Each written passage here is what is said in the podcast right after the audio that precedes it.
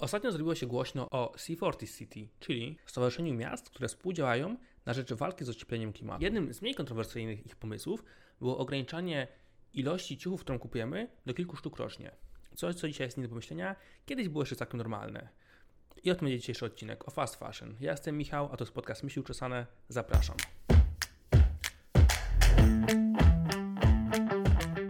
Ja się już wychowałem w świecie zdominowanym przez fast fashion.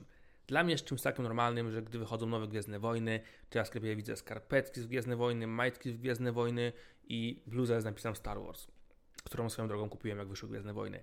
Ale to nie było jeszcze aż tak oczywiste kilkaset czy kilkadziesiąt lat temu. Jeśli cofniemy się w czasie, tak o 200 lat, to wyprodukowanie ubrania wymagało o wiele więcej wysiłku. Moda była o wiele wolniejsza.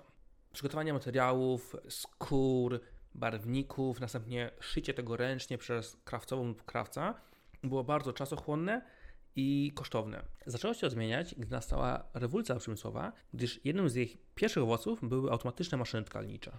Te spowodowały, że cała branża przyspieszyła, szycie ciuchów na skalę masową było tańsze i szybsze. Nawet jak oglądamy jakieś filmy, to był taki okres, kiedy tam król, szlachcic, księżniczka chodzili w pięknych sukniach, pięknych szatach, a plebs, te parobki, to mieli w sumie worki na ziemniaki z dziurami na ręce i, i spodnie wiązane sznurkiem. A później, właśnie po rewolucji przemysłowej, mamy taki okres, gdzie zwykli mieszczanie, zwykli robotnicy chodzą w marynarkach, chodzą w czapce, chodzą pod krawatem, kobiety w jakichś sukienkach, co jest właśnie efektem tego, że moda stała się dostępna i tania. Następnie w XX wieku, w latach 60. czy 70., później to postępowało, Moda stała się pewnym wyrazem ekspresji. Różne subkultury, różni młodzi ludzie adoptowali trendy modowe, odpowiednie ubrania, żeby się wyrazić i wyróżnić. Wszyscy kojarzymy szerokie spodnie noszone przez hipisów, skórzane kurtki i spodnie w kratę noszone przez punków, czy za duże bluzy i krok gdzieś na wysokości kolan noszone przez skate'ów. I tutaj chcę wprowadzić dwa pojęcia, high street i high fashion. High street, czyli dokładnie te ciuchy, które noszą ludzie na ulicy, które wtedy można było kupić w sklepie, w galerii czy na bazarze w, w, naszym regionie, były inne od tego, co ludzie nosili na salonach, na czerwonym dywanie, na wybiegach, od, od high fashion.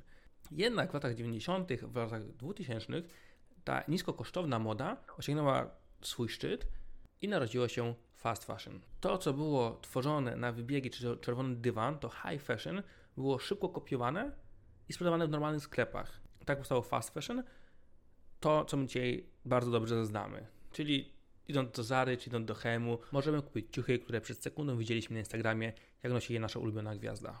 Tak właśnie wyrosły te dwa giganty, H&M czy Zara, mimo że są to marki założone w przypadku H&M w 1947 roku, a w przypadku Zary w 1975 roku. Marki europejskie, swoją drogą właściciel Zary jest jednym z 10 najbogatszych ludzi na świecie, jest najbogatszym Hiszpanem, ma majątek przekraczający 75 miliardów dolarów niesamowicie się na tym dorobił, ale marki te zaczynały w Europie jako normalne sklepy. Później gdzieś tam dostały się do, w latach 90. do Stanów Zjednoczonych i dały też właśnie początek temu fast fashion. Po raz pierwszy termin ten został użyty przez New York Timesa do pisania celu, który przed sobą stawiała Zara. A cel ten to było skrócić czas od momentu powstania pomysłu, powstania projektu do dostarczenia go na półkę sklepową i sprzedania do 15 dni. Żeby zrozumieć, jak krótki jest to czas, to większość normalnych marek w tym czasie potrzebowała na to prawie dwóch lat. Średnio 27 miesięcy było potrzebne na powstanie projektu, zabezpieczenie materiałów, wyprodukowanie ciuchów i dostarczenie ich do magazynów czy sklepów. Zara chciała to robić w 15 dni. Możecie sobie wyobrazić, jak dużą zmianą to było. HM na przykład ma co tydzień coś nowego. Zamiast dwóch czy tam czterech kolekcji na wiosnę, lato, jesień, zimę, sklepy w Chemie co tydzień mają nowe modele ubrań. Na dobrą sprawę mogliby oni wydawać gazetkę tygodniową, tak jak Lidl czy Biedronka, z produktami, które w tym tygodniu się pojawią nowymi. Na tym się historia nie kończy, ponieważ w ostatnich latach pojawiły się jeszcze bardziej hardkorowe marki. Coś, co dorobiło się terminu ultra fast fashion. Pewnie znacie większość z nich. Marki takie jak Shane, Forever 21, Zaful czy Fashion Nova. Marki, które mieszczą się poniżej tych 15 dni, w dużym stopniu dlatego, że operują mocno online, i tak na przykład Fashion Nova była w stanie 24 godziny po tym, jak Kim Kardashian pokazała się w sukience Thierry'ego Maglera, 24 godziny potem byli w stanie tą sukienkę, znaczy bardzo podobną sukienkę, sprzedawać w swoim sklepie internetowym. Jedna doba na zrobienie jakiegoś szybkiego projektu, wyprodukowanie, wstawienie tego do sklepu. I to jest właśnie kwintesencja fast fashion.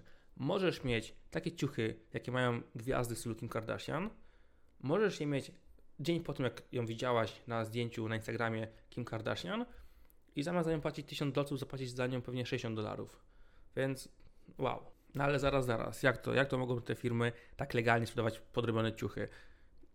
Nie chcę wchodzić za bardzo w szczegóły, bo nie o tym jest ten odcinek, ale w dużym skrócie podróbka jest wtedy, kiedy nasz produkt udaje produkt innej marki, czyli wszystkie torebki Matiasa Corsa czy paski Lucci są podróbkami, są nielegalne, bo potrzebujemy się pod tą markę. Jeżeli skupiamy design, w większości wypadków, podobne kolory, e, ale sprzedajemy to pod marką Zara czy, czy Fashion Nova, nie jest to podróbka i możemy to legalnie sprzedawać za niższą cenę.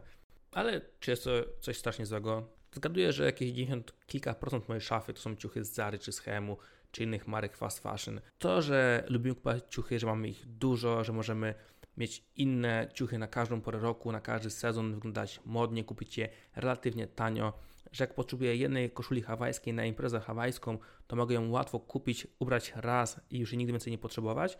Gdzieś tam z tyłu głowy pewnie mamy jakieś przekonanie, że to może być nie do końca spoko. No i właśnie teraz w to wejdźmy i spróbujmy to trochę rozpracować. Ja w ostatnim czasie się sporo przeprowadzałem. Mniej więcej co roku zmieniałem mieszkanie. Za każdym razem, jak pakowałem swoją szafę, to zauważyłem, że mam sporo ciuchów, których przez cały rok nie ubrałem. No wiem, bo pamiętam, jak się rok temu rozpakowywałem, dałem je na górną półkę, przez rok ich nie ruszyłem. I stwierdziłem, że będę takie ciuchy po prostu odkładał na bok, oddawał na Caritas, czy sprzedawał. Dzięki temu trochę moja szafa objętościowo zmalała, ale w tym roku zamieszkałem ze swoją dziewczyną. Ilość którą ona posiada, powoduje, że cały czas słucham o tym, że nasza szafa nie powinna być dzielona pół na pół, ale, ale w stosunku 30% dla mnie, 70% dla niej. Ok, normalna sprawa, ma więcej ciuchów, choć wciąż walczę o swoje miejsce. Mówię o tym dlatego, że poszukałem trochę statystyk o tym, ile ciuchów posiadamy i ile z nich nosimy. I tak na przykład przeciętny Amerykanin kupuje 68 sztuk ciuchów, spodni, koszulek, swetrów, butów, czapek, 68 rocznie, z czego połowa z nich jest ubrana 3 albo mniej razy. No, w Polsce jest trochę lepiej, bo kupujemy 5 razy więcej ubrań niż kupowaliśmy 40 lat temu, w roku 80. 5 razy więcej. I ciuchy kupione w sieciówkach zakładamy średnio 7 razy, zanim zdecydujemy się je wyrzucić. Oczywiście zarówno w USA, jak i w Polsce tempo tego, ile ciuchów kupujemy z roku na rok przyrasta, tak również w innych krajach, więc łatwo się domyślić, że marki produkują tych ubrań mnóstwo. Potem byśmy je kupili, ponosili te 3 czy 7 razy i potem wyrzucili. I zdaje mi się, że ten problem jest dość dobrze dostrzegany nawet przez same marki, bo co chwilę widzimy kampanię, że ten sweterek został wyprodukowany z butelek odzyskanych z oceanu, a ta marka zrobiła sesję modelki w lesie z króliczkiem, więc na pewno jest fajna i zielona. Bardzo chciałbym w to wierzyć i bardzo chciałbym, żeby tak było, ale greenwashing jest czymś wszechobecnym w tej branży. A żeby Wam to trochę uzmysłowić, to dla przykładu w roku 2015 cała branża e, odzieżowa wytworzyła więcej gazów cieplarnianych niż lotnictwo i transport morski. Więc teoretycznie zamiast dodawać kolejny podatek do ceny biletów lotniczych, powinniśmy dawać kolejne podatki do, do ceny sweterków i spodni z beczki. Choć ciekawe, co by się spotkało z większym oburzeniem ludzi. Inną sprawą jest użycie wody.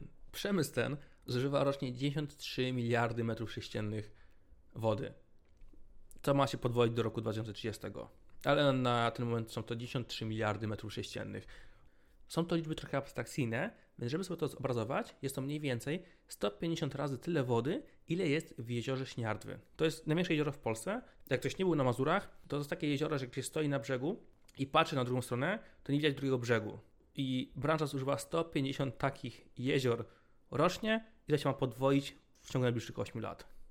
Albo inaczej mówiąc, jest to 4% wody pitnej na świecie zużywane rocznie do produkcji ubrań. Zużycie tej wody dzieli się na różne etapy. Pora używane przez plantację bawełny. Żeby wyprodukować kilogram bawełny, trzeba około 10 tysięcy litrów wody. Więc problem jest taki, że te wielkie plantacje bawełny są bardziej opłacalne niż na przykład plantacje y, zboża czy innych produktów żywnościowych.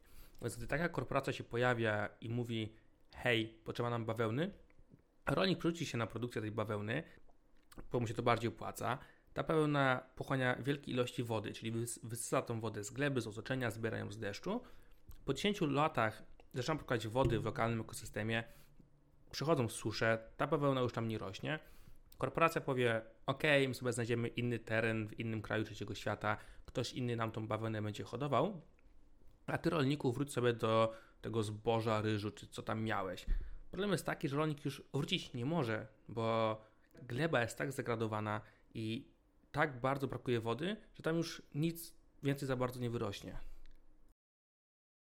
Później sporo wody zużywa się do produkcji, do barwienia ubrań, do zmiękczania ich i to jest trochę inny problem. Tutaj nie chodzi o to, że ta woda powoduje suszę. Problem jest taki, że po tych wszystkich obróbkach woda, która zostaje, jest mocno skażona różnymi chemikaliami, które były użyte w procesie produkcji ubrań.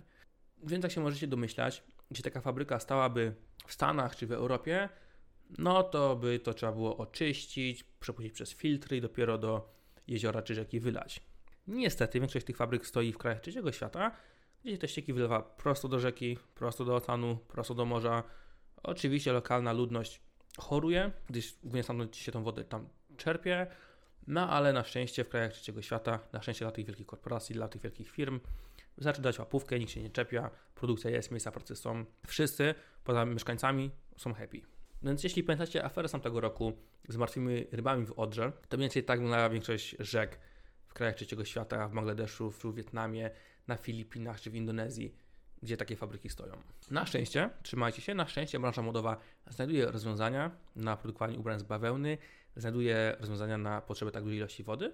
Rozwiązania te, te noszą nazwę poliester, nylon czy spandex. Czyli materiały, które są wykorzystywane w bardzo dużych ilościach w naszych ciuchach, które na sobie nosimy, a się tworzy z ta, ta, ta ropy naftowej, jak wszystko. Kolejna porcja statystyk, ile branża odzieżowa zużywa ropy naftowej, by tworzyć plastik do ubrań. Branża zużywa 342 miliony baryłek ropy rocznie. Pewnie nic nam to nie mówi, więc wystarczy, jak powiem, że jest to półtorej razy więcej niż zużywa Polska rocznie. No i dobra, produkują mnóstwo, my mnóstwo kupujemy i co potem? I potem mnóstwo tych ciuchów wyrzucamy. Mniej więcej 92 miliony ton rocznie wywalamy ciuchów. No wyrzucamy te ciuchy i co się z nimi dzieje? No 85% jest albo palonych, albo zalega na wysypiskach. Jeśli ktoś z Was teraz pomyślał, że halo, to nie ja, ja oddaję ciuchy do kontenera Caritasu, ja oddaję na ciuchy dla organizacji charytatywnych, ja nie zaśmiecam, no to Was trochę rozczaruję. Większość ciuchów, które oddajemy organizacjom charytatywnym, są w stanie zbyt złym, żeby były używane ponownie. Większość tych ciuchów jest przez organizacje charytatywne sprzedawana do krajów trzeciego świata, a za pieniądze w ten sposób pozyskane finansują te organizacje swoją działalność na pomoc ludziom biednym, no bo organizacje charytatywne, a ciuchy te dopiero tam w krajach trzeciego świata, w, w Afryce są częściowo używane, a reszta dopiero tam jest palona czy składowana na hałdach. No bo oczywiście niewyobrażalne, żeby takie ciuchy palić w Europie, w Stanach, w Japonii czy w Korei. Wywalamy to do krajów trzeciego świata. Tutaj będzie ciekawa jedna rzecz. Jak pamiętacie, może gdzieś tam lata 2000, na początek, w Polsce dużo ludzi chodziło w ciuchach używanych z zachodu, więc sporo z nas, dzieciaków, biegało w jakichś koszulkach reprezentacji Anglii, Niemiec czy Francji, którą gdzieś tam oddał właśnie e, do, do takiego kontenera i oni to sprzedali do nas. Teraz my to robimy do Afryki i ciekawe, czy gdzieś tam w krajach afrykańskich ludzie chodzą w koszulkach, które ktoś oddał Polski walczącej, Polski białej i w ogóle odzieży patriotycznej. I bez względu na to, że produkujemy za dużo, kupujemy za dużo i wyrzucamy za dużo, to i tak te firmy chcą produkować więcej. I tak 30% ciuchów, które marki typu fast fashion, wszystkie te sieciówki wyprodukowały, około 30% z nich nigdy nie jest sprzedane, bo produkcja po prostu jest większa niż jest popyt na te ciuchy. I tutaj odchodząc na chwilę od sieciówek, bo tyczy to głównie marek luksusowych, to istnieją sklepy, czy istnieją brandy, istnieją marki, które swój asortyment niesprzedany po prostu paliło. Tak na przykład było Burberry czy Louis Vuitton. Swoje ciuchy, swoje produkty spalali. Oni to argumentowali tym, że to jest przeciwdziałanie podróbkom.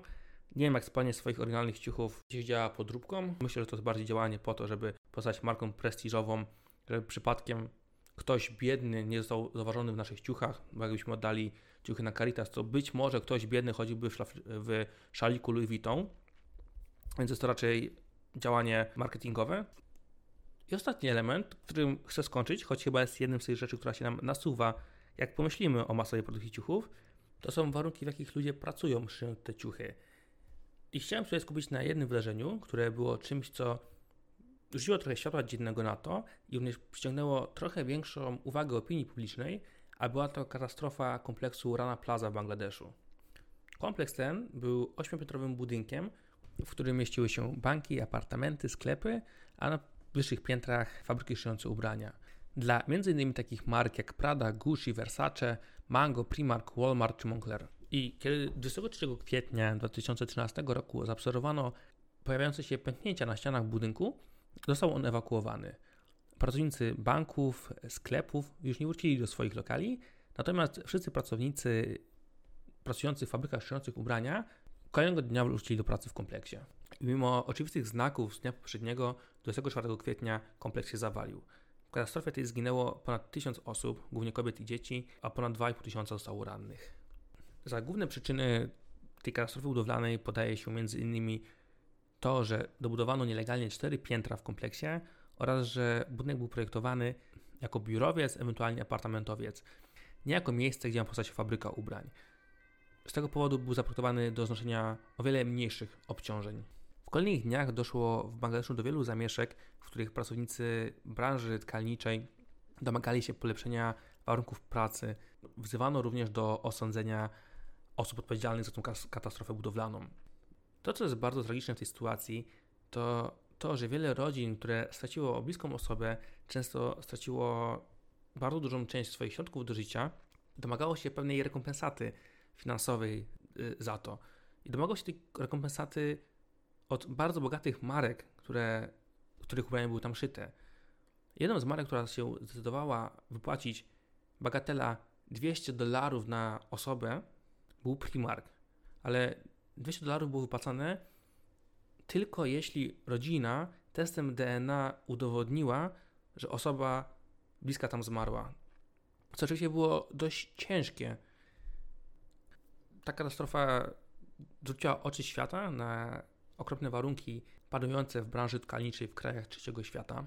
Jednym z pozytywnych skutków było porozumienie europejskich marek, które miało dążyć do właśnie podnoszenia standardów bezpieczeństwa w fabrykach, w których te marki swoje ciuchy szyją. Również amerykańskie marki taki dokument stworzyły, podpisały go Walmart, Gap, Target. Pewną krytyką wobec tej amerykańskiej umowy było to, że oni nie wskazali tam żadnego legalnego umocowania, kto ma za te zmiany bezpieczeństwa w tych fabrykach zapłacić. W takich momentach, potem jak sobie trochę poczytałem o tym wszystkim, jak strasznie to wygląda, zacząłem się zastanawiać, czy ten t-shirt za 30 zł jest tego wszystkiego warty. Jednym z cytatów, który znalazłem i do którego się będę starał stosować i Was do tego zachęcam, jest kupuj mniej, kupuj lepiej i dbaj o to, co masz. To wszystko ode mnie. To były myśli uczesane. Dzięki za dzisiaj. Do usłyszenia w kolejnym odcinku.